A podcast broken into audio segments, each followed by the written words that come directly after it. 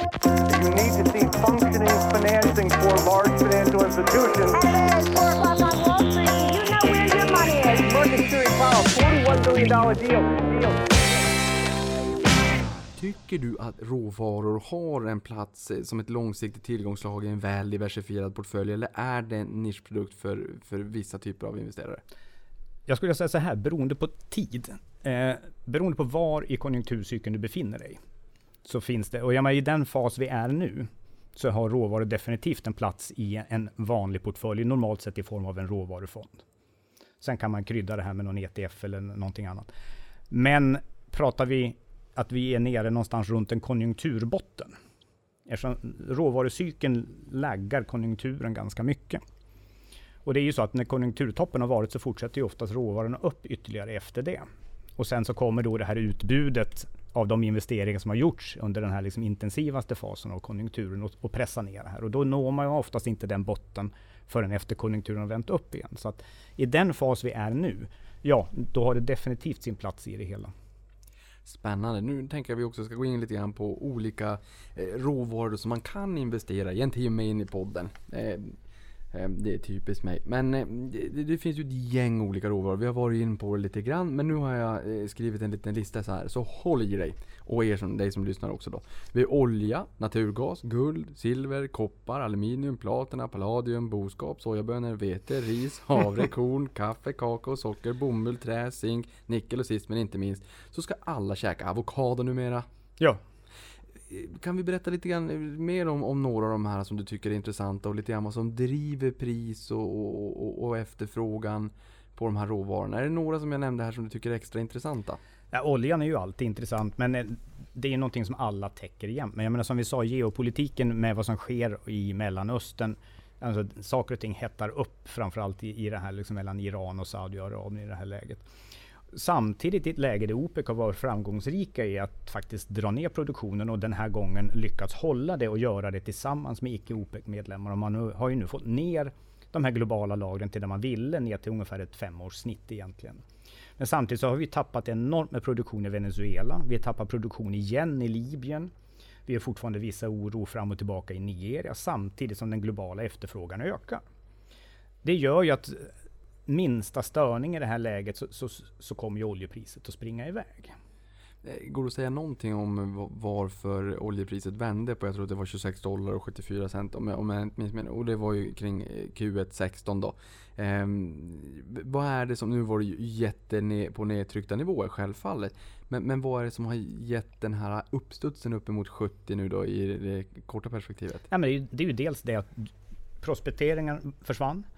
Du hade stora lager. Lagren har betats av. Flytande lager är mångt och mycket borta. Och menar, vi har, De som alltså båtarna, supertankarna som satt på Atlanten och bara satt på händerna och bara väntade på att priset skulle stiga. Ja, och tittar man liksom hur det såg ut runt Singapore till exempel. Det, liksom, det var rödprickigt av fartyg som bara låg och alltså, väntade på prisrörelse En sån karta kunde man se på nätet. Man kunde Ja, se det finns en, finns en sån livekart. Jag kommer inte ihåg på rak arm vad den heter, men den finns där. Eh, så att, att det vänder på just den där nivån, och vi, det är ju bara en slumpmässigt sett. Men jag menar, du kommer ner på nivåer där man inte längre tjänar pengar och det betyder det blir ingen capex. Jag menar, du kom till och ner på nivåer där, merparten av, eller en absolut merpart liksom av, av skifferoljan tjänade inga pengar och så vidare, vilket drog ner investeringarna. Du såg ju antalet borriggar kollapsade under den här perioden och så vidare. Så att någonstans finns det liksom ett golv i det hela. Och sen har vi ju sagt liga betat oss tillbaka upp och vi har haft då liksom stora produktionsstörningar liksom där just till exempel som Venezuela försvinner från mer eller mindre världsmarknaden. Eftersom man inte har några pengar heller. Det är så tung olja i Venezuela, så man importerar ju lättare olja för att blanda sin tunga olja till någonting som flyter som man kan exportera igen. Har man inte råd att köpa det så får man inte ut någonting heller. Men då tänker jag så här, för de som lyssnar på det här och känner oh det här låter ju så himla intressant, jag måste lära mig lite mer om råvaror. Men kanske inte har liksom den tiden och möjligheten att eh, dedikera så pass mycket tid som vad du har gjort och lärt dig det här.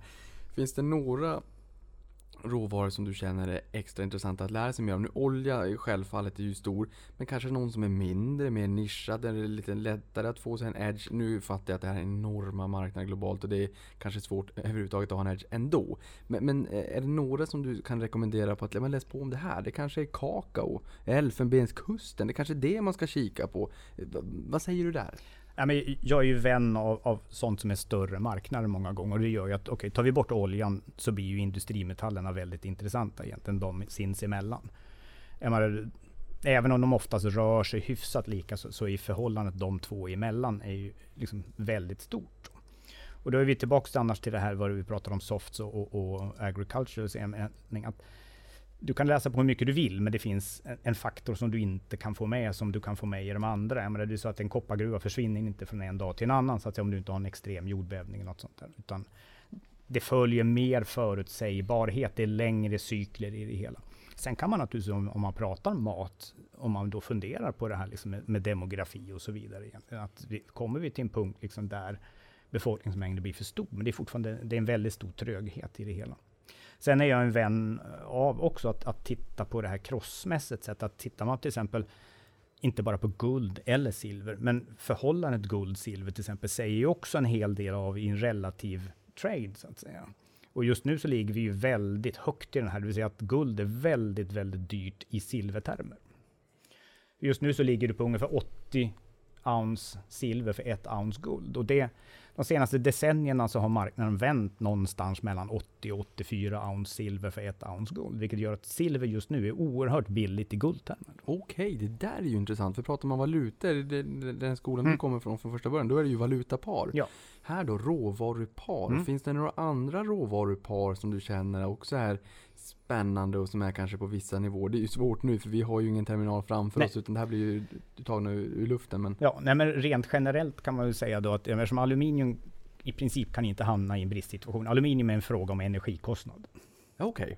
Ja, men bauxit mm. finns det liksom tillräckligt av. Det är inget problem egentligen, utan det handlar om att göra, eh, alltså få in energifaktorn i det hela. Medan sånt då till exempel som koppar och det, till viss del nickel då framöver mycket väl kan, kan komma att vara mera bristsituation igen. Och där någonstans kan man ju börja, börja titta på den typen av krossar egentligen i det hela. Där man, man får gå lång ett certifikat och kort ett annat till exempel. Om man... men, men du pratade tidigare också om att det kan vara 7, 8, 9 år från att man tar ett investeringsbeslut till att en färdig koppargruva börjar leverera. Absolut. Eh, finns det några andra eh, som också är sådär långa? Eller det kanske är att det blir en slagg, inte slaggprodukt det är fel ord att använda men att... Det, det... Nej, men all gruvbrytning mm. är, har ju den här liksom långa, långa cykeln. Och skillnaden är ju egentligen att aluminium är ju egentligen en produkt av bauxit och bauxit finns, det är ett av, av jordskorpans vanligaste ämnen.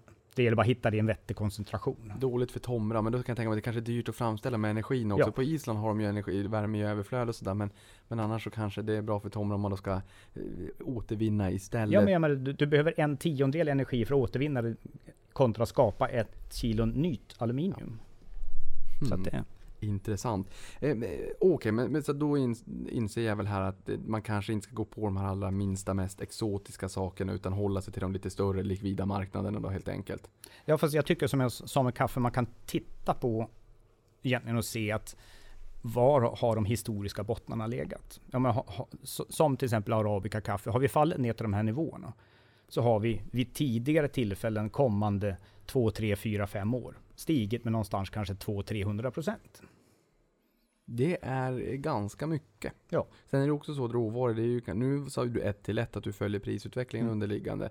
Eh, och det kanske är jobbigt att ha någon form av belåning, antingen om det är daglig eller lång hävstång. Men ändå så att säga om man, om man är lite längre i den här positionen. Men det är utan att plocka på sig belåning så är det fortfarande väldigt stora rörelser. Ja, det är det. Och man måste ju också tänka på, eh, handlar man till exempel certifikat och den underliggande varan på certifikatet är ju ett terminskontrakt. Det är ju inte den fysiska råvaran. Utan vad emittenterna gör är att man hedgar sig ju egentligen och täcker sig i terminsmarknaden. Och då blir ju också termins, alltså marknadens kurvlutning oerhört viktig. Därför att eh, det hände, hände ju ibland att, att, kunder ringde och sa att ja, men jag har ju haft rätt, kursen har gått upp och ändå har jag förlorat pengar. Och då beror det ju oftast på till exempel som i i, i kaffe då som har ett kontango, du har en positiv terminskurva, alltså terminskurvan pekar uppåt. Och för att hedga sig i det här läget så köper man ju en månadsterminen. Och händer ingenting annat så kommer en månadsterminen att rulla tillbaks till det spotpriset ligger. Och säg att spotpriset har gått upp halva skillnaden mellan spot och en månadsterminen. Så har du fortfarande, du har haft en rätt i kursriktningen men du förlorar fortfarande pengar i rullningen. Och det här gör ju att du kan ju fortfarande förlora pengar fast du har haft rätt. Så det krävs ju att ju brantare den här kurvan är, ju mer måste ju spotkursen hela tiden stiga för att du inte ska förlora pengar. Så timing är allt när du har, har den kurvlutningen. Men, men vilken typ av eh, produkt är bäst att använda sig av då för att ha så nära följsamhet med den underliggande råvaran som möjligt? Ja, pratar du basmetaller och dylikt så kan jag ju tänka mig att ETF som har, alltså pratar vi guld och silver, ETF som verkligen har den fysiskt underliggande fungerar bäst på det sättet. Därför att du har min, där har du ju inte den här rullningen, men då har du en finansieringskostnad då istället i, i det här. Men en 1 till 1 där du i alla fall hamnar rätt kurvmässigt sett, har ju en finansieringskostnad som inte avviker allt för mycket från, från den fysiska. Men där får man ju jämföra liksom vad kostnaden är. Men, men då tänker jag så här att om, om man då sitter och tittar på råvarupriset, om man nu har investerat i någonting, då tänker man ju aha, jag tittar på spotpriset, vart är den precis just nu? Och sen säger du att då, då ett, eh, de emittenterna certifikatet, eh, de hedgar sig då mot eh, på, på terminsmarknaden, kanske en månads terminen. Vad, vad vill du att lyssnaren eller dina gamla kunder på SEB, vad, vad vill du att de ska kika på för att få så bra förståelse som möjligt för vart deras produkt, vart priset på den kommer att gå? Är det korrekt att kolla på spotpriset eller är det korrekt att kanske att det, det, olika emittenter kanske hedgar sig på olika sätt? Är det alltid en månads termin eller? Nej, det beror på. Ja, men, vissa terminskontrakt är ju varje månad som olja till exempel, mm. medan många jordbruksprodukter är var tredje månad så att säga man rullar i det här. Så att, eh, att få ta del av hur, vilken lutning du har på terminskurvan är naturligtvis oerhört viktigt. Men det kan också skapa möjligheter att om du får en tillfällig chock i någonting i nutid, så att spotpriset rör sig väldigt kraftigt, så kan du ham också hamna i ett läge vad man kallar för backwardation, där du får en, en negativ terminskurva. Och normalt sett så har vi ju egentligen contango i de flesta marknader. Men om man får ett sånt här läge, att säga att du får en, en riktig chock i oljepriset, så, och vi får en kurva som är negativ, då genererar den ju faktiskt en positiv flow i det läget när du rullar. För då köper du någonting på en månad som om ingenting mer händer kommer ju rulla upp till spotpriset. Och det är någonting som många råvarufonder och dylikt då utnyttjar. Och det är ju sådana lägen där det kan vara intressant att gå in och titta då om man har en idé att nej, det här är en temporär sättning. Och då kan man ju få en indikation av det beroende på hur så att säga, kurvan ser ut i det. Just det, och den här kurvan som du pratar om, den mm. kan man väl kanske egentligen mer eller mindre då jämföra med yieldkurvan på räntemarknaden. Ja, i princip. Och se hur, hur terminen, om man då tar spotpris en månad, tre månader, mm. sex månader och ett år kanske och, och hur den lutar då uppåt eller neråt. Ja, om man tar till exempel som återigen så oljemarknaden som är den största. Men där kan du ju titta framåt 2025, 2026, alltså hur du prissätter hela. Sen ska man vara medveten om att ju längre ut man kommer på de här, ju mindre är omsättningen i det hela. Eh, jag tittade på vete igår till exempel, att kommer du ett ett och, ja, ett och ett halvt, två år ut så finns det egentligen ingen omsättning i kurvan. Det finns inga öppna kontrakt. Och då blir det bara ett teoretiskt värde mm. egentligen. Eh, jag tänker också, förra gången vi träffades så pratade du lite grann om vilka faktorer som styr prissättningen och vi pratade om dels att det är eh, att det blir en spike i efterfrågan och att man kanske blir, blir ett underskott i utbudet. Man måste öppna gruvor och kanske vara kaka och så kanske det kan vara oroligheter mm. eh, politiskt eller kanske inbördeskrig i värsta fall och det kan vara väder och det kan vara vind och det kan vara men det ena och det femte. Kan du prata lite grann om den här typen av olika risker som eh, påverkar priset? Olika faktorer som påverkar priset? Ja, det mest, upp, det mest uppenbara just nu är ju liksom den politiska risken när vi pratar energi och klimatförändringar och dylikt. Jag menar, det finns ju många som pratar om stranded assets vad det gäller liksom då olja och kol och så vidare. Och det är ju en reell risk i det här läget. Därför att här ska man följa då Parisavtalet och dylikt så ska det ju implementeras ett antal delar som, som kommer att begränsa det hela. Så den är ju väldigt uppenbar. Sen har du ju nu då den här kampen mot plasten är också en sam, sam, som en politisk del egentligen som har ju fått väldigt mycket vind i seglen. Eh, uran är en annan väldigt politisk råvara där, man, inte minst Sverige, där vi håller på att stänga ner kärnkraften igen, medan man i Asien bygger ut den. Och där står det väl lite grann emellan, men den är ju i allra högsta grad politisk eftersom det är så långa perioder och så, så pass stora risker förenade med om någonting går snett i det hela. Eh, sen har du inte minst till exempel om du tittar på sojabönor i USA och Kina i, i det här läget, vilket eh, har ju lett till en boom i Brasilien istället. Och det här kommer säkert leda till att man byter eh, från majs i mångt och mycket till, till mera soja egentligen. Och det ger ju en, en större tyngd för Brasilien i det här. Just den där är ju jätteintressant med handelskonflikten och, ett eventuellt handelskrig när man då ger sig på sojabönor. Och det här är ju lite ett bråkgnabb mellan USA och Kina. Mm. Som får andra implikationer. Då är det en annan marknad och ett substitut, en annan produkt som får ta över. Ehm, berätta lite mer, vad behöver vi känna till när det kommer till sojabönor och eh, den eskalerande handelskonflikten de här två länderna emellan? Nämligen egentligen så är det ju så att ja, Kina riktar ju in sig på, alltså Trumps kärnområden i det här läget. Och då blir det ju framförallt jordbruksprodukter och bönder i de områden där, där man hade väldigt, väldigt mycket röster. Och Kina behöver ju den här sojabönan whatsoever. Och det, det betyder ju bara att de kommer att komma mer ifrån då Brasilien och Argentina istället. Som i sin tur antagligen kommer få ställa om från annan produktion. Så att implikationerna där blir mycket väl liksom att USA kanske får öka sin majsproduktion istället. Ja, det där, ja precis, och hur allt sånt där hänger ihop. Man inser ju här att det, det, det är, ja, sammanfattningsvis, det är då väldigt allmänbildande att lära sig mycket kring råvaror. Eh, OPEC och Mm. oljan, eh, Organization of Petroleum Exporting Countries räknas väl kanske som en av världens få legala karteller. Hur ska man ställa sig? Hur mycket... eh, Hur ska man, vad ska man ha för förhållningssätt till OPEC om man investerar i olja?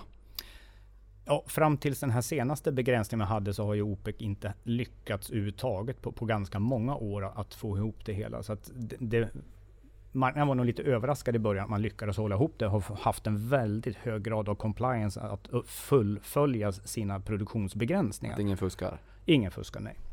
Eller till en väldigt, väldigt liten del. Dessutom mätte man egentligen inte om man fuskar månad för månad, utan man hade ju en period där man ska uppfylla sina det här. Men samtidigt också det här närmare mellan Saudiarabien och Ryssland, man faktiskt då kunde samarbeta på det. här. För att OPEC i sig självt står ju för ungefär en tredjedel av oljeproduktionen idag. Då. Men med Ryssland då så kommer man ju upp på en betydligt högre andel i det hela. Så där, för första gången på länge så har man ju lyckats, vilket naturligtvis eh, stärker OPECs mandat lite grann, eller OPECs tyngd i världsmarknaden. Som tidigare har man egentligen kunnat vifta bort det här och säga ja, ja, ja. Just det. Ja, för nu visar de att det faktiskt funkar om man håller till det. Det är klart att då blir det ju, det är precis som på aktiemarknaden. Förtroende och track record det bygger ju väldigt mycket. Eh, eh, Aramco Mm. är ett bolag som man har förväntat sig ska komma till börsen, har inte kommit ännu. Eh, borde ju rimligtvis vara beroende av oljepriser. Oh, ja. Såklart. Och det finns politiska incitament att faktiskt hålla oljepriset under armarna. Vad tror du om spelet bakom och börsintroduktionen av Aramco som är världens största bolag? Ja, men det är klart att det har en påverkan. Men Saudiarabien har ju stora ekonomiska problem och har ju bränt mycket av sin valutareserv. Så att man, man är ju beroende av att försöka få investeringar till. Och inte minst den här planen för 2030 som man vill implementera. Att man måste börja dra till sig utländska investeringar. Så att eh, ja, det, jag tror att det, det har haft en stor del i Saudiarabiens vilja att faktiskt minska både sin produktion, men vilket man tidigare inte velat ha gjort, minska sina marknadsandelar. För det som skedde förra gången, slutet på 90-talet, det var ju att när, man, när priset gick ner och man minskade sin produktion så tappade man marknadsandelar och då släppte man alla hämningar och sa okej, nu ska vi ta tillbaka den, för priset får gå hur lågt det vill, bara vi får behålla våra marknadsandelar. Och den här gången så har man tillåtet att tappa marknadsandelar. Och det är klart att det gör man inte om man har ett, ett övergripande annat mål. Sen tror jag liksom den, den här risken i Saudiarabien i övrigt, det är vad händer egentligen i den här maktkampen? Ja, men vi såg ju de här eh, alla prinsar som spärrades in tidigare år här som fick ju egentligen lösa ut sig. Man, vi har inte sett det sista i det här. Nej, och där hade vi ju också, eh, hjälp mig nu med namnet, det här svenska bolaget, inte Shell. Mahmoudi, Just det, eh, Preem. Preem, just det, Preem, tack. Eh, som också fängslades. Mm. Och har han släppts? Jag tror faktiskt inte det. Nej. Jag har inte full koll på det. För, för jag tror att man sk- skrev i media att han var väl inte villig att betala sig Nej. ut. Och då, det kan ju vara liksom svårt för oss i Sverige att förstå att vi ska ju bara bli dömda om det är så att vi är skyldiga. Ja. Det kanske inte alltid funkar så i alla länder. Jag har, jag har ingen aning, nu spekulerar jag bara. Men, men det stod i media att eh, man trodde att han inte var beredd att betala ut sig oavsett om han var skyldig eller inte. Ja, ja, han, ja. Ja, det är vad det är. Ja, Eh, Men eh, finns det någon fysisk, eller finns det någon råvara där du ändå skulle kunna tänka dig att faktiskt investera fysiskt? Skulle du vilja ha fysiskt guld? ja, det är väl den enda där det faktiskt är ska jag säga, möjligt inom rimlighetens gräns. Jag menar, Sen är det en sak mellan dig och försäkringsbolaget vad du vill ha hemma fysiskt så att säga, om det är i form av eh, små tacker eller eh, buljons eller någonting annat sånt. Men sen finns det, ja, många pratar silver, men man glömmer lätt bort att eh, jag måste bara dra den här grejen. Min, för, min första kontakt med fysiskt silver, det var nog den största flopp jag har gjort någon gång. Och jag, du, du bäddar upp det bra nu, ja, förväntan är hög. jag tycker nog att den som sålde eh, de här silvertackorna till mig, den handlare, hade kunnat berätta att eh, silver i EU är momsbelagt. Just det. Eh, så den positionen började på minus 25 procent. så att därför går det egentligen inte att, att handla fysiskt silver inom EU eftersom det, det är momsbelagt. Vad, vad, man kan göra det är att Eh, Estland har väldigt låga, eh, låg moms på det. Eller så får man hitta egentligen då numismatiska mynt, alltså historiska mynt som oftast är momsundantaget. Men, och det lämnar guld kvar som är momsbefriat i form av investeringsmetall då inom EU. Ja, för det, det där vet jag också. Jag, jag, pratade med en VD för ett av våra guldbolag i Sverige på en mässa och, och just om ha fysisk guld eller inte. Och vi diskuterade lite grann. Och då vet jag att man sa det där att silver går inte riktigt just för att man hamnar på minus 25 redan från första början. Ja. varför är det så här? Nej, det är, inom EU så, så, är den alltså stämplad som en industrimetall. Okej, jag fattar. Du, vet du vad? Innan vi började podda också så pratade vi lite grann om beskattningen på råvaror. Mm. Eh, berätta mer om det.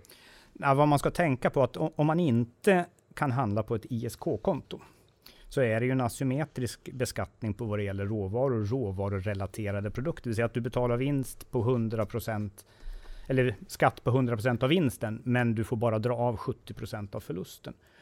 Eh, på ett ISK spelar ju inte det här någon roll, men ligger det utanför eller om man till exempel handlar då eh, sådana här Contract for Difference, CFDs, då, så har man den här asymmetriska skattelagstiftningen, vilket gör att en, en förlust inte till fullt del avdragbar, vilket då du tvingas skatta för en vinst fullt ut. Så det är, det är en skillnad, en väldigt stor skillnad gentemot då andra börshandlade produkter. Just det, och är det så att man då vill eh, komma runt det här och att man då vill kunna handla olika Eh, råvaror i då ett investeringssparkonto eller en kapitalförsäkring. Är det då certifikaten som man ska köra på? Ja, eller ETFer. Eller ETFerna. Mm.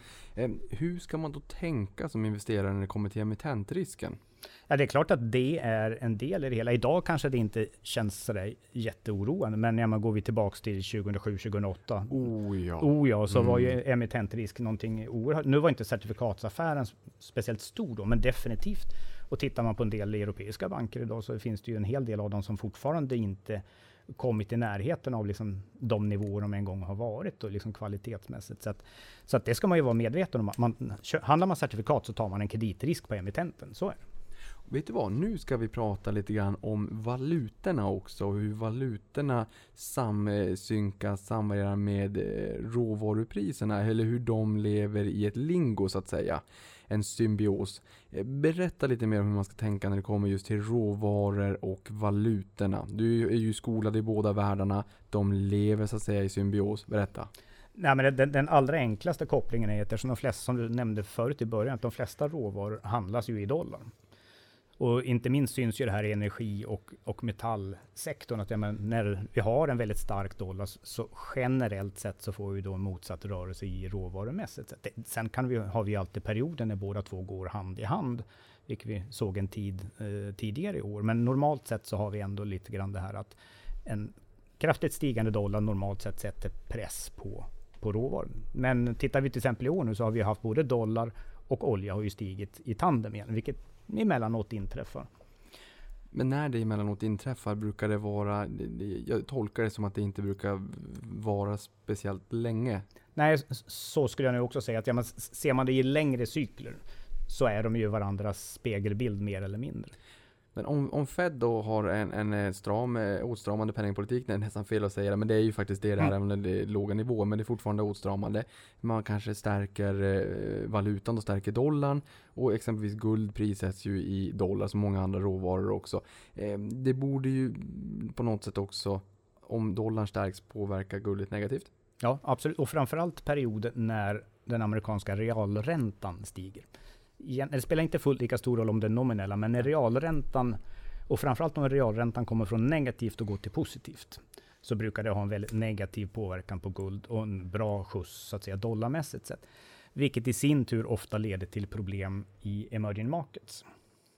Vilket i sin tur då egentligen sänker de valutorna egentligen. Så ta till exempel den brasilianska realen som har fallit ganska kraftigt, vilket gör att kaffepriset kan ställas ner ytterligare just på grund av dollar real faktorn i det hela då.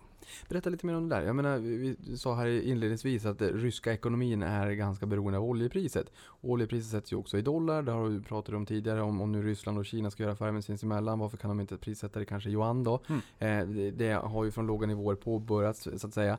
Men eh, tillväxtmarknader, precis som du är in på, det hör man ganska ofta. Både tillväxtmarknader och hur valutorna tar stryk och att man skyller på råvarorna och sådär. Ehm, hur starkt kopplade är råvarufluktuationer och ländernas valutor? Stora rörelser, framförallt i, i eh, länder som Brasilien och dylikt, har ju en ganska stor påverkan då på, på kaffe och soja och den delen. Då. För att menar, där erhåller ju så att säga producenten fortfarande liksom i samma nivå i det hela på grund av valutarörelser. Eh, annars skulle jag påstå att det som idag är det stora problemet är att man under de här senaste åren har ökat skuldsättningen i tillväxtmarknaden något så enormt. Så att en stigande dollar gör att man får alltså finansiella problem. Jag menar, titta på Argentina senast här egentligen då som, jag menar, inte default, men jag menar, räntorna drar, drar iväg till 30-40 procent och så vidare. Och det är att många av de här tillväxtländerna har ju lånat enorma mängder i dollar de alltså ak ackumulerat under ganska många år nu och ju nått alltså, astronomiska nivåer. Ja, måtte då inte råvarorna som länderna exporterar eh, också se sjunkande priser i, mätt i dollar så att skulderna i dollar eh, stiger ju om dollarn förstärks medan intäkterna från råvarorna eh, ja, ja det, det, kan lätt bli jobbigt. Jag menar, Island, där har vi ett sånt exempel också. Ja. De fick det ju väldigt jobbigt. Man lånade väldigt mycket pengar så att säga i utländsk valuta. Oh. Sen satte man på en valutarestriktion och då fick inga pengar varken, ja in fick de komma men inte lämna. Nej. Nej, så, och, och, det är ju en tes som jag har haft för i år. Alltså, det har inte med råvaror att göra, men alltså, den största enskilda risken som jag ser, det är alltså kreditmarknaden egentligen på grund av det här. Och eh, vi hade ju ett ganska stort, väldigt stort, kinesiskt kolföretag som ställde in betalningarna här bara för någon vecka sedan med eh, ganska ordentliga då dollarskulder. Då. För du tänker de här länderna då som har lånat pengar, tillväxtmarknaden har lånat pengar i dollar. Om då dollarn stärks då blir ju lånet mycket, mycket dyrare. Mm. Men samtidigt om råvaran då också prissätts i dollar så får de ju lite bättre betalt. Men den kanske inte på långa vägar väger upp för den jobbiga tyngden, de extra sandsäckarna på axlarna när, när utlandsskulden blir dyrare. Ja, både räntan går upp och valutan blir svagare. Nej, jobbigt. Vi hoppar vidare till eh, effektiva marknadsteorin som på, på börsen. Jag håller väl inte riktigt med om den. Jag tycker inte marknaden är effektiv i alla läger. Marknaden är lite grann en drama queen som överreagerar både uppåt och neråt. Hur, och det är mycket psykologi självfallet, vi är ju bara människor. Hur, hur, ser det ut på råvarumarknaden? Är det en effektiv marknad eller finns det mycket skevheter som du försöker dra nytta av? Ja, det finns definitivt skevheter från tid till annan. Jag brukar framförallt titta på hur, hur liksom den spekulativa positioneringen ser ut i de marknader det finns statistik, eller alltså terminstatistik på det. Att, eh, har du en relativt stark trend så tenderar det till att flöda in väldigt mycket pengar på kort tid i det här. Och eftersom råvarumarknaden generellt sett är så pass små marknader jämfört med kapitalmarknader och valutamarknader så blir effekten på kort, kort sikt kan bli ganska betydande ibland och leda till rätt stora obalanser i det hela. Eh, I olja så har det ändå återföljts av fundamenta i, i vissa andra, som i till exempel i zink tycker jag att det fanns inte fundamenta som understödde den delen och nu har ju zink kommit tillbaks väldigt kraftigt här under de senaste månaderna på nedsidan därför att det var ett bett som kändes liksom helt felaktigt givet hur man så att säga utökar produktion och dylikt och ändå är marknaden jättehåsad. Du tittar på terminskurvan och den pekar rätt ner i källan för kommande år och så vidare. Vilket, nej, det känns som att priset drevs upp därför att det blev en brist här och nu kortsiktigt sett. Och då blir det liksom motsvarande yieldkurvan som du ja. kikar på då, fast kurvan på terminen. Du såg att det var jättehög nivå det absolut kortaste och sen så om du blickar framåt några månader eller något år, eller då faller det rakt ja. ner i källaren. Ja. Du, det här eskalerande handelskriget har vi pratat lite grann om. Eh, och vi kom in på det när vi pratade sojabönor. Hur, om vi tar ett bredare perspektiv och zoomar ut Tellus lite grann. Hur påverkar det övriga råvaror? Finns det några andra som påverkas mycket av eh, det handelsgnabbet? Ja, det vi såg tidigare som, som vi också nämnde var ju aluminium var ju den första som, som verkligen åkte på en smäll. Även om inte det hade med det handelskriget att göra, men det visade ändå liksom på potentialen på det hela. Så att, men eftersom det är Kina som verkligen är beroende av exporten i det här läget i, i den här konflikten. Sen om den här kommer att eskalera med EU så, så är det ju framförallt Tyskland som är den riktigt stora förloraren. Det är om man nu går in på, på fordonsindustrin i det här. Men Tyskland har ju faktiskt möjlighet och råd till det här. Alltså det här är ju ingenting som sänker Tyskland. Därför att Tyskland exporterar så mycket annat och till så många andra ställen. Eh, men vad det gäller liksom Kina som dylikt, det är klart att det minskar deras inköp av råvaror ganska ordentligt. Och det betyder ju, men Chile skrev ner eh, prisprognosen bara häromdagen på, på grund av, av handelskonflikten säger att ah, okej, men det kommer att köpas mindre koppar.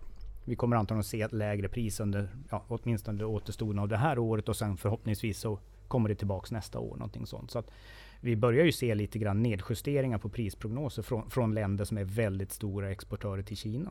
Ja, för hur har det sett ut där? Jag menar, vi såg ju ganska tidigt i, den här, i det här handelsknabbet både eh, stål och aluminium. Då stål var det 25% och aluminium Mm. 10%. Hur har det påverkat?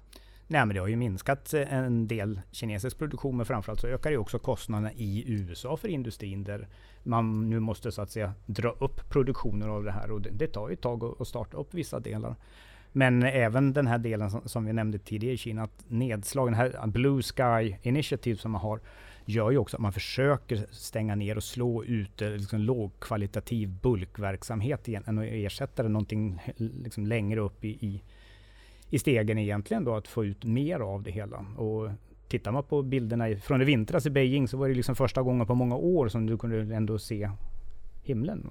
Och det är klart att det här är något som kommer att fortsätta. Att man, eh, medelklassen har blivit så stor i Kina så att kraven på en renare miljö kan du inte längre kringgå. Nej, och det där är ju jätteintressant för de har ju också faktiskt de reala incitamenten om man så får säga till att faktiskt ta cleantech och hela den där rörelsen på allvar. För Oh. de, man be- Ja, sorry. Jag tänkte bara säga att man behöver frisk luft och andas. Absolut, men eh, vad- man gör för, förutom att minska så att säga, sin egen produktion så flyttar man ju ut en del av, av den här skitigaste till Pakistan, eh, and, delar av Kina mycket längre västerut eh, till Vietnam och så, och så vidare också. Då. Morgondagens låglöneländer och Ja, ja, låglönedelar av helt enkelt, för de har ju haft ganska eh, kraftig inflation, löneinflation i mångt och mycket i Kina. Oh ja. Och sen har ju det här Silk Road, alltså delen som ju leder till mycket av de här infrastrukturinvesteringarna och utbyggnaden i, i de här länderna.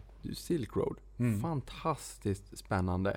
Fantastiskt underviktat när det kommer till eh, eh, svensk finanscommunity och att man inte riktigt har eh, grottat ner sig kring vad det här faktiskt innebär. Inte jag heller, det är jag snabb på att erkänna. Men vad på, hur påverkar det här råvarusidan? Det här är ju liksom en, en enorm investering. Absolut. Jag menar, hela den här One Belt One Road jag menar, kommer ju vara oerhört råvarukrävande när man bygger ut motorvägsnät, järnvägsnät, hamnnät, flygplatsnät över så att säga från Kina och så att säga västerut mot Europa. Men även liksom avstickarna ner mot Pakistan, Iran, järnvägarna i Afrika och så vidare. Så att, och redan idag så börjar ju mer och mer gods gå på tåg mellan Europa och Kina. Och det här finns ju en säkerhetspolitisk del i det hela också. att USA i en händelse av en konflikt ska inte kunna blockera kinesisk handel egentligen. Och det, och, precis, och det är ju det man också säkerställer lite grann då. Ja, För att de här går ju i alla fall, de här järnvägarna. absolut. Och likaså när man bygger de här djuphavshamnarna i Pakistan till exempel. Och Drar du en pipeline därifrån så behöver du inte bort genom så att säga Asien, och bort genom Malackasundet utan kom, det är bara runt hörnet på Iran och sen är det pumpa upp det. Det är mycket stor politik i det här. Hmm. Du, eller förresten, en sn- jättesnabb fråga bara. Mm. Den här pipelinen från Ryssland, Ryssland som man ville dra utanför Sverige och sådär. Man har väl gett Nord. Stream, ja. Ja, hur ska man tänka kring den? I Sverige ska vi nog inte tänka jättemycket på, på den egentligen, utan eh, vad det handlar är man vill ju egentligen dra det här runt eh, gamla Östeuropa och framförallt vill man kanske kunna dra ner på leveranserna genom Ukraina. Jag menar, det, det är ju ett maktmedel egentligen att man går runt de här och går direkt på Tyskland egentligen. Eh, och det här är väl någonting som också många är, är, ser som ett skräckscenario om det skulle inträffa. Det vill säga att om Tyskland och Ryssland verkligen skulle närma sig varandra. Den ena med kunskap och pengar och den andra med råvaror. De skulle ju matcha varandra oerhört väl egentligen. Men de som sitter illa till är ju de däremellan. Liksom, det är ju liksom Polen, Tjeckien, Slovakien, hel, hela den liksom gamla. Som ju blir kringrunden av det här egentligen. Och dels missar du ju naturligtvis transitintäkter på det hela, men framförallt så, så blir du ju väldigt sårbar på att det är lätt att stänga av samtidigt som du kan fortsätta leverera till Västeuropa. Ja, det här varma vädret då. Det, Mm. det, det har ju varit så varmt så man har ju knappt kunnat jobba i sommar. Det har ju varit det, är knappt ens roligt. Alltså det, man blir ju så slö när det är så pass varmt tycker jag i alla fall. Om man nu då inte ligger i, i en pool. Det här varma vädret har ju slagit jättehårt mot både skördarna i Sverige men även ute i Europa. Vi har varit in lite grann på Sverige också. Och du har sagt att det är en jättestor eh, kaosfaktor som gör att du i princip håller dig borta från spannmål. Eh, har vi någonting kvar att säga kring den situationen vi nu befinner oss i när det kommer till eh, värmen i Sverige och Europa och hur det påverkar råvaror? Man kan säga så här att lagren av vete globalt sett är, är betydligt större än vad de var bara för en 4-5 år sedan, vilket också förklarade varför vetepriset är så pass lågt. Så att det här, för närvarande löser det så här bara att vi kommer att få ett underskott på Eh, spannmål i världen i år. Det, kommer att bli mindre vete och mindre majs, men betydligt mera ris än tidigare. Men nätt nätt, om vi tittar på de stora, så kommer vi ha ett litet underskott och det kommer ju täckas med lagerneddragningar. Men lagren är relativt stora jämfört med de senaste åren. Men enligt FNs jordbruksorgan så har vi globala lager på ungefär drygt 50 dagars förbrukning idag. Och jag menar, går vi tillbaks 5-6 år kanske vi hade 36, 37, 38 dagars förbrukning i, i globala lager egentligen. Så att lagermässigt sett så är situationen rätt okej faktiskt. Och det syns ju också. Visst, priserna på vete har gått upp lite grann. Det brukar de göra vid den här delen på året innan skörden är bärgad. När man liksom har den här riskperioden innan man har fått bärga den så brukar priserna gå upp lite grann och sen falla tillbaks egentligen. Hmm. Nu, när du sa det här lager och 50 dagar och då tänker jag ju direkt aha, tänker jag på e-handel och börsen och tänker jag på e-handels logistikfastigheter automatiserade och sådär. Och där är ju en trend, där är spännande att investera i. Sen kanske man inte behöver gå hela vägen och säga att finns det jordbruksfastigheter och sådär. Det, det kanske är lite mer nischat. Men ser du några trender på råvarusidan som kan vara spännande för en börsnörd att tänka på? Och då tänker jag mig, eh, John Deere i USA har ju alla sina jordbruksmaskiner och allt vad det kan tänkas vara. Men jag tänker kanske snarare på sådana här strukturella trender med artificiell intelligens, med data, med smarta applikationer som kan hjälpa dig som bonde att, att optimera och få, öka crop yielden. Ser du några spännande trender som jag eller någon av lyssnarna kanske kan koppla an till och försöka hitta börsbolag kopplat till det? Nej, men självklart är det sånt som själv, självkörande traktorer, skördetröskor, jag menar, det kommer ju att komma ganska snart. Eh, implementerandet av extremt nä, nära GPS-del. Alltså idag pratar vi liksom ner på någon decimeter när, när du sår och så vidare, där du styr det här på GPS för att få ut absolut maximalt på. Så den delen är ju redan på väg. Nästa steg tror jag, som jag sa, alltså long range, alltså självkörande lastbilar, den typen av teknologi i det hela. Och det här är ju lite paradoxalt. Ja, men I USA har man en extrem brist på långtradarchaufförer samtidigt som vi är i ett läge där vi snart ska börja avveckla dem. Hur dyrt kommer transporter att bli i den här mellanperioden? Alltså i USA idag så har ju priserna på transporter stigit något vansinnigt och du, du kan ibland nästan inte ens få tag på transport egentligen. För mig pekar det på en del. Det kommer att beställas massor med nya lastbilar. Det här är bra för Volvo. Ja, Scania kanske kommer tillbaka till börsen. och det andra är naturligtvis att du- kommer att behöva, du kommer att ha en löneinflation på lastbilschaufförer fram tills du kan ersätta dem av en självkörande del i det hela. Självkörande ser du idag i, i dagbrott och dylikt. Men in, ännu inte ute så att säga på landsväg. Men det kommer långt tidigare till att ha en självkörande personbil. Ett- har långtradare som kör i konvoj från punkt A till punkt B egentligen. Det där är fascinerande. Du, det, det, man, ibland hör man ju talas om smörberg och köttberg och sådär som förstörs snarare än att man eh, låter människor eh, äta upp det här. Och jag menar, det, det är klart att det finns ju mm, förklaringar till varför man kanske gör det också. Man vill inte prisdumpa och prisdumpar man Eh, även fast vissa människor kanske inte får äta upp det här. Det finns ju människor som svälter ute i världen. Men när man prisdumpar, jag menar alla de här entreprenörerna och företagarna i kanske fattigare länder. Då kan ju inte de sälja sina varor på världsmarknaden för att priserna dumpas ju. Eh, alltså när utbudet ökar så att säga. Men, men hur ska man tänka på det här? Är det här en reell risk om man investerar i vissa lite mer nischade eh, råvaror, kanske softs eller spannmål, att det blir någon form av prisdumpning. Ser du det som en reell risk eller är det en black swan? Nej, men det, det är en reell risk när man gör en, en stor politisk förändring. Men socker är ett typiskt fall på det där man per första oktober förra året så tog EU bort sitt eh, kvotsystem för socker. Helt plötsligt får europeiska bönder odla hur mycket sockerbetor de vill. Vilket naturligtvis kommer att leda till en kraftigt ökad produktion i Europa. Under den här perioden du, vi har haft det här med de här kvoterna så har man ju också utvecklat betodlingen i Europa till att bli oerhört effektiv. Det här kommer ju vara fullständigt förödande för små sockerrörsodlare, framförallt i Karibien, som har en mycket lägre avkastning per hektar än vad du har på betodlingen i Europa. Så det är klart att en sån här, ett sånt här beslut kastar ju om hela världsmarknaden på sådana här saker. Nu har man ju vetat om det här i flera år, men ingen har ju riktigt vetat hur stor effekten har blivit. Men ja, men sockerpriset idag är ju betydligt lägre än vad det var förra sommaren. Finns det några andra latenta, och, och sen inte minst med sockerskatter i vissa länder, som också kanske gör att det minskar efterfrågan lite grann. Eh, finns det några andra latenta politiska risker som du ser att ja, det kanske inte händer någonting överhuvudtaget, men det finns en liten reglering på den där råvaran. Det skulle kunna hända, teoretiskt. Ja, det fin finns ju en uppenbar som träder i kraft 2020 och det är ju den internationella sjöfartsorganisationen som ju, från och med 2020 så, så, får du inte längre köra på bunkerolja. Om du inte installerar en så kallad scrubber som renar avgaserna från det här. Så att all den här tunga oljan som man kör internationell sjöfart på idag, den måste bort. Och vad ska den ersättas med? Mm, det undrar jag. Ja, sannolikt så blir det ju diesel. Du måste ju ta fram i mellantiden till du tar fram en ny lättsvavlig bunkerolja, för det måste ju byggas raffinaderier för det att ställas om, så blir det ju diesel. Och frågan är vad det här kommer att göra med dieselpriserna i den perioden. Diesel eller naturgas, men då måste du bygga om hela motorn. Eller installera en scrubber, det kostar ett antal miljoner att installera en sån här reningsanläggning. Så det här är ju någonting som transportsektorn måste börja fundera, eller företagen börja fundera på. Därför att när du chartrar ett företag, eller ett företag, ett fartyg, så är det ju så att det är inte redaren, det är inte fartygsägaren som tar risken för bränslekostnaden. Det gör den som hyr fartyget.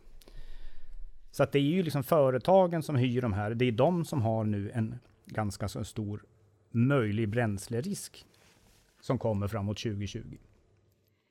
Och det här är någonting som företagen nu har börjat titta på igen. Ska de hedga bränslekostnader, fartygskostnader från 2020 och framåt redan nu? Eller hur ska man göra? Det här är en typ en sån här grej som kan, kan skapa väldigt stora rörelser. Och vad gör du av all den gamla bunkeroljan? Vad ska den användas till? Ja, det undrar jag också. Vem ska, vem ska bränna den? Eller ska du göra asfalt av det? Liksom? det. Herregud. Du, hur, om vi sakteligen går in lite grann bara som hastigast på börsvärlden då. Hur ska mm. man tänka kring bolag som är väldigt råvaruberoende? Det är klart, man kan ju följa CERT och sådär som bara följer underliggande prisutvecklingen. Bolag, då får du på lite operationell risk på bolaget också. Hur tycker du att man ska tänka när det kommer till väldigt råvaruberoende börsbolag? Eh, jag tycker så här, i det läge vi befinner oss idag, det vill säga att i slutet på en konjunktur egentligen, i en högkonjunktur, där råvaror normalt sett tenderar till att overshoot lite grann på slutet. Så är det just nu är råvaror intressantare än, tycker jag, de underliggande. Därför att bolagen börjar bli så pass upptrissade på grund av råvarupris. Men det omvända gäller ju nu när vi har till exempel, som du sa, olja ner på 26 dollar. Då är ju oljebolagen fullständigt slaktade. Så hävstången på oljebolagen vid ett oljepris är ofta större i det läget. Och väljer du det läget bra oljebolag så har du förutom en, en direktavkastning oftast så har du ju en potential som är mycket större i procent än oljan i sig själv. Igen. Och det kan du ju se inte minst på bolag som BP och eh, till och gamla Statoil och så vidare. Där ja, kursen har ju gått i många, många, fall mer än vad oljan har gått. Och så gäller ju många av gruvbolagen att utväxlingen har blivit mycket, mycket bättre. Så precis så, som investering i en mer långsiktig portfölj så är det, var är vi i konjunkturcykeln? Förra gången vi träffades då pratade du om eh, elbilar jo. och att eh, bilarna för en 50 år sedan kanske var en 50-60 eh, meter och nu är det, eller koppar så att säga, 50-60 meter koppar och nu är det flera kilometer koppar mm. i, i morgondagens elbilar för att inte prata om ellastbilar. Eh, vad ser du för, den här, för sådana här typer av trender? Ös på med kuriosa. Så här, eh, ökat andel eh, batterier, elbilar, både med koppar och litium och allt vad det kan tänkas vara. Vad, vad finns det för sådana här trender? Ja men det är ju en väldigt stark trend och jag tror att elbil är väl kanske det vi får se mest och som en huvudsak i tätorter och i städer. Där man kommer att ha kanske andra bränsleslag för mer så att säga längre distanser. Men som du sa, ja, koppar är ju en vinnare i det här oavsett vilket, så att säga, vilken energi vi kommer att använda i bilen. För vi behöver koppar liksom till, till, ledning. Sen om det liksom är, är, en ren elbil eller hybridbil eller ska vi till och med sätta solceller på taket? Liksom, ja, då behöver vi ännu mera koppar och så behöver vi lite silver för de här photovoltage i, i det hela. Så att det tror jag är en, en väldigt, väldigt stark trend. Men vad man också glömmer bort är varje laddstolpe behöver 4, 5, 6 kilo koppar. Eh, ska du ha tillräckligt många laddstolpar, om var och en ska ha det på liksom sin villatomt, ja då måste hela elsystemet i kvarteret byggas om, för då pallar inte de elledningar som ligger i marken idag för det. Men du, och då undrar jag också, hur sjutton 17, nu söker jag ett ord som jag inte kan, men eh, jo, eh, jag vet inte, stamnätet, Mm. om man nu kan säga så. Eh, Stamnätet, har vi liksom elektrifierat Sverige så pass att vi klarar oss under lång tid framöver? Jag menar, om det mer och mer ska bli elektrifierat, är vi dimensionerade för morgondagen? Eller kommer det vara så att vi kommer kräva enorma mängder exempelvis koppar och Sverige är ju ett litet land ur ett globalt perspektiv. Vad händer när, när länderna måste elektrifiera sina stambanor? Stambanor, då tänker jag på tåg i och för sig. Det är inte det jag menar. Men du, jag hoppas du förstår vad jag Ja, menar. abs- absolut. Eh, jag menar, tar man Sverige som exempel, så ja, det krävs ju en hel del. Därför att eh, vad vi gör idag är ju lägga ner mycket av baskraften. Jag menar, vi har lagt ner två kärnkraftsreaktorer, det ska bort två till igen. Och vi ersätter det här i huvudsak med intermittent kraft, alltså solvind i det läget. Och vi måste ju ha en baskraft och det betyder att vi måste spara vattenkraften. För vi har, tar du bort kärnkraften så måste vi ha något annat som, som täcker upp. Och kärnkraften är ju våran baskraft. Och det andra är ju reglerkraft och sen har vi den intermittenta kraften. Och Svenska kraftnät kom ut, eh, det var i slutet på förra veckan och säger som det att i vinter går vi, får vi sannolikt första gången på oerhört länge att, att vi kommer få ett underskott i vår egen produktion. Och skulle det bli en tioårsvinter får vi ett jättestort underskott. Och säga, då måste vi importera. Men när det är kallt här så är det oftast kallt hos våra grannar också. Så att, nej men det där är, är, är ju ett problem. För räknar man med att vi ska ha mycket mera tåg, mycket mera elbilar, ellastbilar och så vidare. Så elproduktionen, hänger den med? Jag är tveksam. Nej, och det är väl bara att kolla liksom på en gammal, om man nu har en gammal sommarstuga eller om man har en lite äldre fastighet, en äldre kåk. Man tycker ju kanske inte att det är lika mycket eluttag i, i den eh, fritidsfastigheten eller villan eller lägenheten om den är byggd på 20-30-tal som vad det är i en modern villa. Det är för att då hade vi inte lika mycket hushållsapparater, allt vad det kan tänkas vara, som vi har idag. Nu är det inte bara, det är ju bilar, det är ju allt möjligt ute i samhället som tar den stora kraften. Mm. Men om vi går ner på 90 gritty gräsrotsnivå, allt vi använder, vi är ju beroende av, av elektriciteten i vår vardag hela tiden. Ja. Och det var man ju inte för ett antal årtionden sedan. Ja, 50-60 år sedan kanske. Absolut inte. Jag, menar, det är så, jag kommer inte ens in i min trappuppgång om strömmen skulle gå. Nej, inte Det finns, jag det finns heller. ingen nyckel liksom. Jag har också installerat det nu. Ja, så bara där. Nej men självklart, självklart sker det ju liksom el, eh, alltså produktivitetsutveckling, att saker och ting blir effektivare, vi kommer få smartare elnät och så vidare. Men i grund och botten så måste vi hela tiden ha en baskraft som upprätthåller alltså spänningen i systemet. För börjar, börjar spänningen variera, då börjar vi slå ut liksom diverse system som slår av i det läget. Och det är det. Tyskland har ju upplevt ganska mycket av det när man ska försöka transportera vindström från norra till södra Tyskland. Det är industrin i huvudsak ligger till exempel. Oerhört intressant. Eh, vi har också fått in en intressant fråga på Twitter kring hot mot traditionella basmetaller från det här, ja, till och med jag har hört talas om det buzzwordet lite grann, asteroid mining. Det låter ju väldigt futuristiskt. Vad är det för någonting och är det en reell risk? Kanske inte imorgon, men om vi får tänka lite längre. Eh, jag tror på väldigt lång sikt i sådana fall. Men jag menar att utvinna metaller med hjälp av robotar ändå på asteroider och ja, även månen och andra planeter i sådana fall. Det ligger säkert i framtiden. Jag tror att det ligger väldigt långt bort. Vad som ligger närmare tror jag snarast det är att man börjar bryta eh, metaller i sådana fall på stora havsdjup. Det ligger betydligt närmare i det hela. Där har vi ju liksom en, en oanvänd resurs egentligen så, som vi bör kunna utnyttja inom en inte allt för lång framtid. Det handlar ju egentligen bara om, blir det lönsamt? Hur, vad måste priset gå till för att det här ska vara lönsamt? Det är ju som jag såg också i tidningen här för nå- någon vecka sedan att eh, diamanter är inte alls lika unikt som vi en gång i tiden har trott. Nej. Eh, Planeten är fullproppad med diamanter, är ett överflöd men det är så långt ner, i- så långt nära jordens mitt att vi kommer inte åt det. Och sen kan vi göra ganska fina själva idag.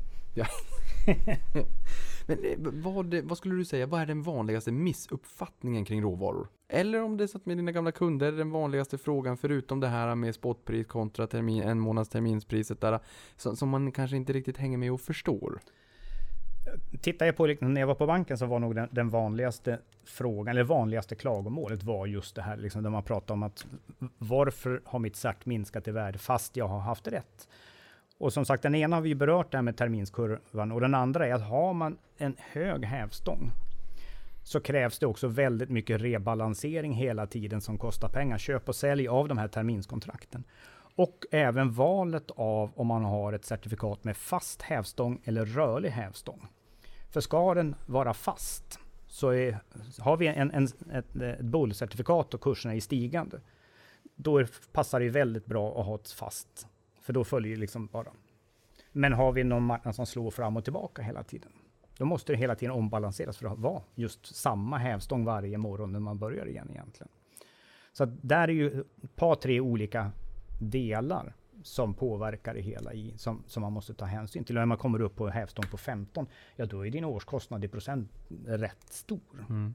För, för just det där tänker jag på, på fast och rörlig, då tänker jag på, på daglig och lång hävstång då så att säga. Att, eh, som du sa om Mm. den uppåtstigande stigande marknaden, om man har en, en lång hävstång, att där fyller man inte på med nya lånade pengar så att låneförhållandet är samma hela tiden. Medan om, om man har en, en daglig som hela tiden varje dag nollställer Mm. och går det ner, jaha, och så fyller man på med mer lån, det blir ju liksom rätt tvära kast. Det är Ja. som att sitta på den här gungan, gungbrädan och sen så den som sitter mitt emot är tre gånger tyngre än dig, då slår det ganska ordentligt. Nej men alltså, och, och det är, är ju en, inte allt för ovanligt att, att man inte är medveten om de här faktorerna. Alltså, jag läser inte det finstilta på allting jag köper heller. Nej, va? inte jag heller. Nej, jag, jag, du som lyssnar på det här, om det nu är så att det är en uppdatering på din Apple iPhone-telefon och så 40 sidor i legal text så tror inte jag heller att du... Min legala avdelning, de, de gör nog faktiskt det. de är nördar. Men, men, eh, men i annat, nej, jag håller Nej. med. För, för att sammanfatta det här då, för de som tycker att det här med råvaror verkar spännande. eh, Vad, kan du liksom skicka med några bra punkter att tänka på? Några sådana goda husmorstips som man så vill, som man bör tänka på? Som du vill skicka med dem i startkittet när de ska ut och försöka lära sig mera kring råvaror? Eh, dels är det, tycker jag, att försöka eh, att läsa eh, de här skrifterna från, från större institutioner som, som är gratis att få tag på. Jag nämnde tidigare BP's, den är jättebra. Den täcker inte bara olja, de tittar på alla energislag fram. De har prognoser fram till 2040. Försöka bilda sig en uppfattning om det här. Men sen också försöka hänga med i det här, liksom att börja fundera på det här med, man sa det här med elbilar till exempel, laddstolpar. Vad innebär det till exempel att försäkringsbolagen nu börjar säga att ja, men laddar du den hemma bara i väggen så kanske du börjar få problem med hemförsäkringen om det börjar brinna därför att ditt elskåp blir så himla varmt. Alltså, försöka tänka de här stegen ytterligare och sen tycker jag hela, alltså väva in mycket mera geopolitik, alltså ha den här lite längre vyn. Och jag tror att det är väldigt svårt att daytrada råvaror i det här fallet. Det, det är någonting mer för aktier egentligen tror jag. Eh, En liten kuriosa bara jag kommer på som vi måste bjuda på. Det är ju också eh, när du sa till mig förra gången hur du kunde se att bensinen skulle bli vinnare och dieseln förlorare. Berätta. Ja, nej men det var e- efter den här Dieselgate kom så, så såg vi ju en extrem eh, isärspreadning då mellan platina och palladium. Och där platina ingår i katalysatorerna på dieselbilar och palladium då på bensinbilar. Så där tog ju marknaden ett jättestort bett på att vi faktiskt skulle få problem med dieselbilar och att, att konsumenten då också skulle börja favorisera bensinbilar i allt högre grad, vilket också har skett. Eh, Men, ja, men den, den rörelsen blev väldigt, väldigt kraftig, pågick under ett par år, men nu börjar den ju så sakteliga reverseras igen. Och där kan man ju se då terminskurvan på Palladium, den pekar ju neråt för de kommande åren nu då. Jätteintressant att du säger att den höll i sig i flera år och att vi får en förståelse för att om det är något som spikar en dag eller en vecka så kanske det inte är över för att trenderna är så mycket längre när det kommer till råvaror Ja. uppenbarligen. Eh, sist men inte minst då, eh, finns det några, förutom de här BP-rapporterna som kommer, finns det några eh, och i Australien har du varit in på Mm. också. Man kanske får sitta och surfa på, på SMHI men här har vi lärt oss att soft och spannmål det kanske inte riktigt är så vettigt. Det finns för stor kaosfaktor. Finns det några böcker eller finns, finns det någonting annat du vill rekommendera att skicka med eh, om man är eh, kunskapstörstande? Vill man läsa den mest basala bok på råvaror, Marian Radetzky. Råvarumarknadens nestor i i Sverige egentligen. Okej.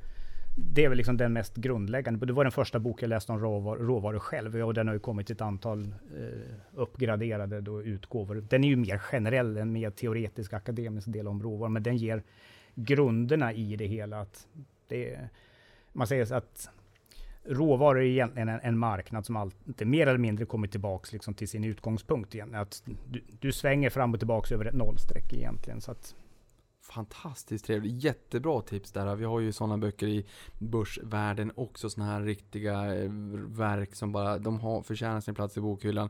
Här har vi då en, en uppenbarligen intressant bok som är läsvärd när det kommer till råvaror. När du säger att den hittar tillbaka till, till samma nivå igen. Ehm, då undrar jag ju bara att det borde ju finnas vissa av de här lite mer långsiktiga betten på några års sikt som du känner har en strukturell tillväxt där man kan investera och att man det kan pågå som sagt under flera år men att det kanske på, på väldigt lång sikt går tillbaka till utgångsläget. Ja, nej, men alltså du oscillerar mer eller mindre runt liksom ett, ett fast läge där du får avvikelse. Så att det blir ju en mean reverting på något sätt i det hela. Och där är ju typ som, som vi sa tidigare, kaffe är en sån som är på väldigt låga nivåer. Det är inget som säger att det inte blir lägre, men historiskt sett så har det här varit billigt.